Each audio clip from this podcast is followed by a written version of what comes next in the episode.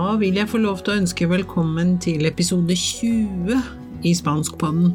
Dette er sesong to, og hvis du ikke har hørt på noen av episodene fra før, så ligger det altså ca.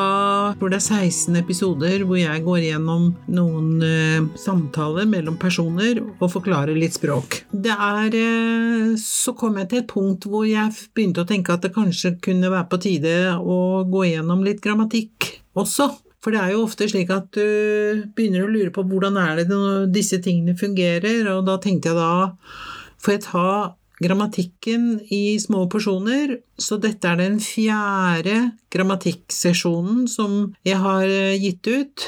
Hvis du ønsker å få tilsendt eh, denne presentasjonen som en PDF, så må du gå inn på leonlingua.no og og registrere deg, så får du alle episodenes eh, vedlegg i tur og orden. Og også denne siste episoden, som er da episode 20 i Spanskpodden.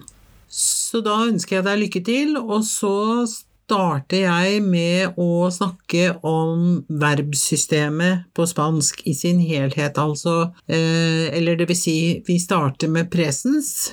Det har presens er temaet foreløpig, og så skal vi ta de andre verbtidene etter hvert som vi kommer videre i episodene. Så da ønsker jeg deg lykke til, og så fortsetter jeg med verbformene. Og husk leonlingua.no for å få informasjon om kurs, og også få tilsendt ressursmateriellene til alle episodene. Da starter vi med verbene, og det vi i utgangspunktet skal snakke om i dag, det er altså regelmessige og i uregelmessige verb i indikativ presens. Men før vi går så, kommer så langt, så skal vi se litt på hvordan, hvordan er verbformsystemet bygget opp. På spansk så finnes det altså to forskjellige typer verb. Det er de ikke-personlige verbene, altså de som ikke reflekterer eller sier noen ting om hvem som snakker, og når det snakkes, og de verbformene kaller vi ikke-personlige verbformer. Og eksempel på en sånn form, det er infinitiven. En annen verbform som også er i samme kategori, det er grundiumsformen av verbet. Vi kommer tilbake til den senere. Så vi, skiller altså på spansk så skiller vi mellom verbformer med og uten personbøyning. Infinitiv og gerundiumsform er altså to forskjellige verbformer som ikke har personbøyning. En av de tre grunnformene, infinitivsformene som fins, så har vi verbet hablar, aprender, som er et er-verb, og escribir, som er et ir-verb. Altså vi har tre ulike infinitivsvarianter på spansk. Alle infinitivene på spansk ender på r. Vi kaller den formen for infinitivs-r. Og så er det da sånn at det er tre ulike vokaler foran r i infinitiv, og det kan være a, e eller i. Og disse tre vokalene eh, representerer da første, andre og tredje konjugasjon av verbet. AR-verbene er første konjugasjon, ER-verbene er andre konjugasjon, og IR-verbene er tredje konjugasjon. Og eksempler på AR-verb er da hablar, escuchar og viajar, og vi snakker i denne sammenhengen kun om regelrette verb. Vi har ikke tatt for oss foreløpig noe som har med uregelmessige verb å gjøre. Så første konjugasjon, altså regelrette første konjugasjonsverb, det er de som ender på AR i infinitiv. Så har vi de som ender på ER i infinitiv, og det er de vi kaller for annen konjugasjon. Og eksempler på det er aprender, kommer, conocer. Så har vi tredje konjugasjon, som ender på IR, og eksempler her er vivir, escribir og dormir. Og hvilken konjugasjon som et verb hører til, får konsekvenser for personformene som man bruker i de enkelte verbene. Og hvis man da ser på regelrett bøyning av første konjugasjonsverbene, så er da infinitiven ar, altså ablar, som betyr å snakke.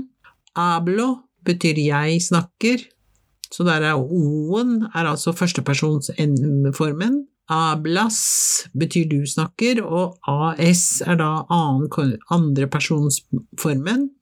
Abla er tredjepersonsformen, som representerer han og hun, men også osted. Ablamos er vi snakker. Amos er altså vi-formen av personbøyde den personbøyde verbformen. Ablais, dere snakker, er da den andre persons flertall personbøyningsformen. Og ablan er da den formen du bruker når du snakker til de som står der borte, eller snakker om de som står der borte, eller også ostedes. Så det er altså sånn at vi på norsk så sier vi jo jeg snakker, du snakker, han snakker, hun snakker. Vi har altså snakker er uforanderlig på norsk, mens på spansk så bruker man ikke nødvendigvis personlig pronomen jeg, du osv., med mindre vi trenger å presisere det i forhold til om det vil bli en misforståelse eller ikke. Sånn at hablo er tilstrekkelig, du behøver ikke å si yo hablo, det hører, for da blir det på en måte jeg, jeg snakker, da får du dobbelt eh, dobbel presisering, og det trenger du ikke alltid, men av og til. Og så er det da sånn at hvis, da, hvis vi nå ser på bøyningsformene i alle tre konjugasjonene sett, hvis de satt ved siden av hverandre, så ser vi at hablo er jeg snakker, aprendo er jeg lærer, og vivo er jeg bor.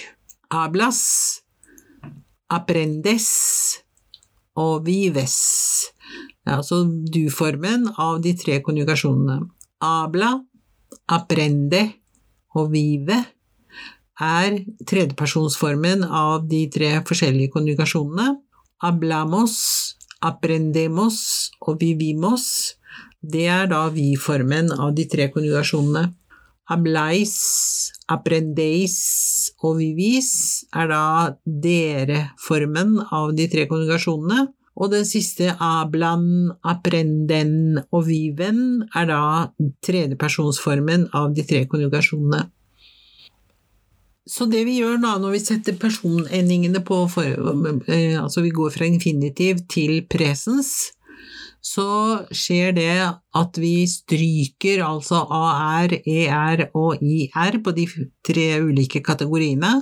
Og da når vi, når vi, har tatt vekk de to siste bokstavene i, i, infinitiven, så står vi igjen med det vi kaller for stammen av verbet. Og stammen av verbet, det er det vi bruker for å sette på personendingen. Sånn at ablar blir abl, aprender blir aprend, og vivir blir viv. Og så setter man da på bokstavene som representerer den enkelte personbøyde formen. Sånn at vi da eh, kan si at for å få markert hvem som, hvem som, utfører handlingen, så må vi altså sette ta vekk infinitivsendingen av verbet og sette personbeendingen på for å, for å markere hvem som utfører handlingen så er det da sånn at eh, spansk snakkes jo av ca. 500 millioner mennesker. Og det er jo klart at det er forskjell på spansk, spansk i Spania og spansk i Latin-Amerika, på samme måte som det er forskjell på engelsk fra England og engelsk til USA. Og spansk i Spania har noen former som man ikke bruker i Latin-Amerika. Så det første vi skal, kan se på da, det er vosotros-formen, som er altså andre person flertall, aprendeis, ablais og vivis.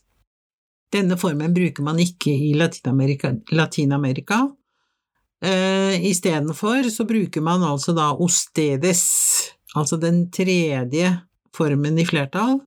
Så ostedes hablan, ostedes aprenden, ustedes viven, sier man altså i Latin-Amerika, mens man i Spania så sier man vosotros aprendéis, vosotros habláis, vosotros vivís.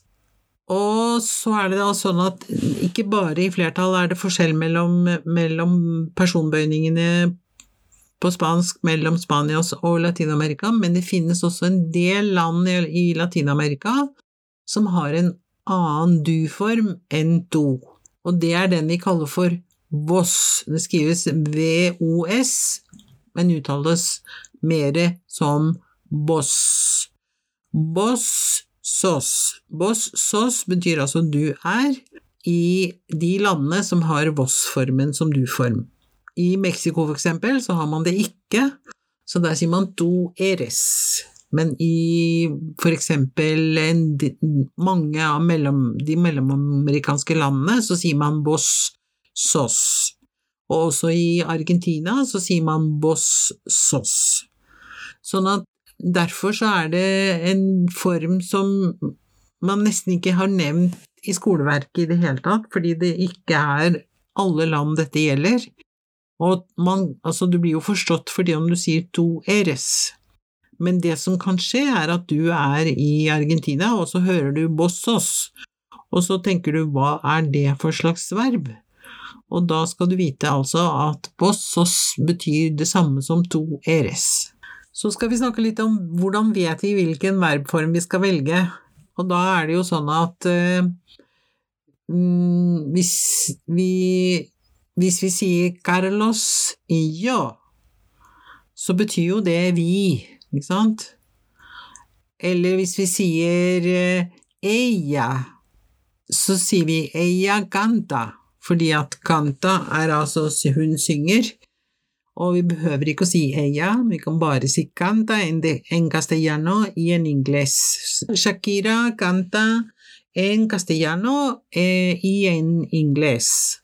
Ofte vil man høre castellano istedenfor spanjol, og grunnen til det er jo at på fastlandsspania så har man fire forskjellige spanske språk, sånn at den ene av de fire språkene er castellano, og derfor så er det castellano som vil være det mest korrekte språknavnet å bruke i forbindelse med når vi snakker om spansk. Castiliansk ville man jo si på norsk, men det høres jo litt rart ut. Men i hvert fall på, på, i Latin-Amerika så snakker man kun om castellanov, og det er nettopp fordi at man vet at i, i Spania finnes flere språk. Så Carlos y yo trabajamos en la olla quemada. Carlos y yo trabajamos. Shakira canta en castellano. Maria y Teresa comen en McDonald's. Comen, de spiser altså.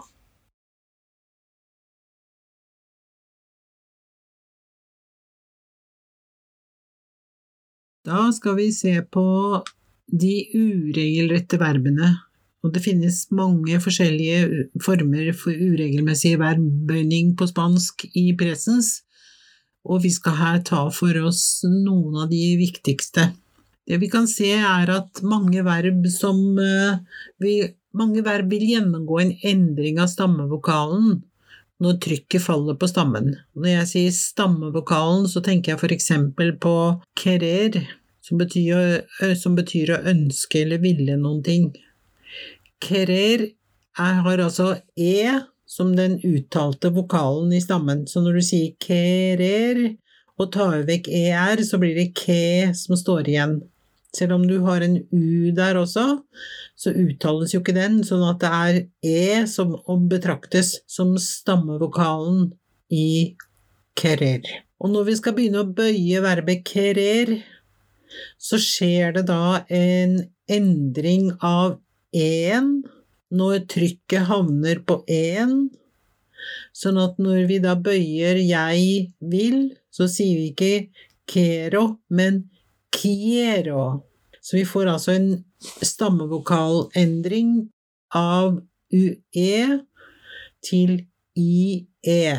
Og disse vokalendringene skjer derfor med alle former i presens eh, som har trykk på stammevokalen, og det er disse verbene vi kaller for skoverb. Endringen skjer altså i første person andre person og tredje person entall. Det skjer ikke i første person flertall og andre person flertall, men i tredje person flertall. I de landene som bruker Voss-formen, så er det da ikke heller en eh, endring av stammevokalen, fordi at trykket ligger ikke på vokalen i stammen, men på den siste vokalen. Så vi sier altså yo quiero, tu quieres, men så sier vi vos querés. Og så sier vi él og ella usted quiere, nosotros queremos, vosotros queréis og ellos og ellas og ustedes quieren. Og vi har to forskjellige varianter av den UE til IE-formen. Så vi har altså Kiero, Kieres, Kiere, og så har vi den som går fra O til UE. Og der har vi to eksempler som, eh, hvor dette forekommer, og det er et ER-verb som er påder, som betyr å kunne eller greie eller klare noe. Og så har vi encontrar, som er et AR-verb, som betyr å finne. Så her ser vi på begge disse to verbene at de har O som stammevokal, der trykket havner når du begynner å bøye verbet, og da blir det puedo, puedes, puede, encuentro, encuentras, encuentra podemos, encontramos, podéis, encontréis, pueden, encuentran. Så skal vi se på flere eksempler hvor vi får e til ie. Vi har pensar, pienso, piensas, piensa. Så har vi pensamos. Så har vi pensáis, og så har vi piensan. Alle disse, her, alle disse er eh, eksempler på det vi kaller for skoverb. Jeg bruker skoverb for å markere alle verb som er skoverb, får diftongering av stammevokalen i første, andre og tredje person entall, og i tredje person flertall. Så hvis du går inn på Google og skriver skoverb eller shoeverbs, så vil du se eksempler på nettopp eh, dette fenomenet. Og de to eksemplene som vi har i forhold til E som går over til IE, det er altså pensar, som blir pienso, og sentir, som blir siento. Så sentir betyr å føle. Og der har vi også et verb som eh, sendar, som brukes i forhold til det å sette seg, så det heter sendarse. Og, der, og det er også et, et, et eh, vokalskifteverb, eller diftongeringsverb, som med siento aquí. Sentar er jo et ar-verb, og sentir, som betyr å føle, er et ir-verb så har vi ett eksempel på et, et, et, enkeltstående verb som er det eneste som fins med denne varianten, og det er verbet hogar. Hogar betyr å spille, altså spille sport eller spille spill, men ikke spille instrumenter. Dette verbet er det eneste. Eh, juego, juegas, juega. Det er altså også et, et skoverb. Hugamos, hugais, huegan. Så vi har altså tre typer diftongeringsformer. Det er altså når O blir til UE, og E blir til IE, eller når U blir til UE, som vi da så i eksempelet eh, Hogar. Det vi sier er altså at den aktuelle stavelsen er trykktung, det er altså der trykket ligger. og Når det skjer, så får vi diftongeringsendring av eh, disse uregelmessige verbene. Og så har vi en fjerde endring, vokalendring kaller vi den, det er når e blir til i. Og det er det samme fenomenet, det er også skoverb. Stammen blir altså trykktung, og der får vi får en endring. Og da har vi to eksempler på hva som skjer når det skjer. Det er i pedir, som betyr å be om eller bestille noe. Det heter yo pido. Tu pides. Él o ella pide.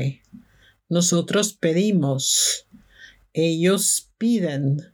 Og så har vi verbet repetir, som betyr å repetere noe. Repito repites, repite, repetimos, repiten. Og så skal vi se på to eksempler på en, en femte uregelmessighet, og det er verb som kun er regelmessig i førsteperson entall, altså jeg-formen er uregelmessig, mens resten er regelmessig. Og der har vi eksempler med dar og aser.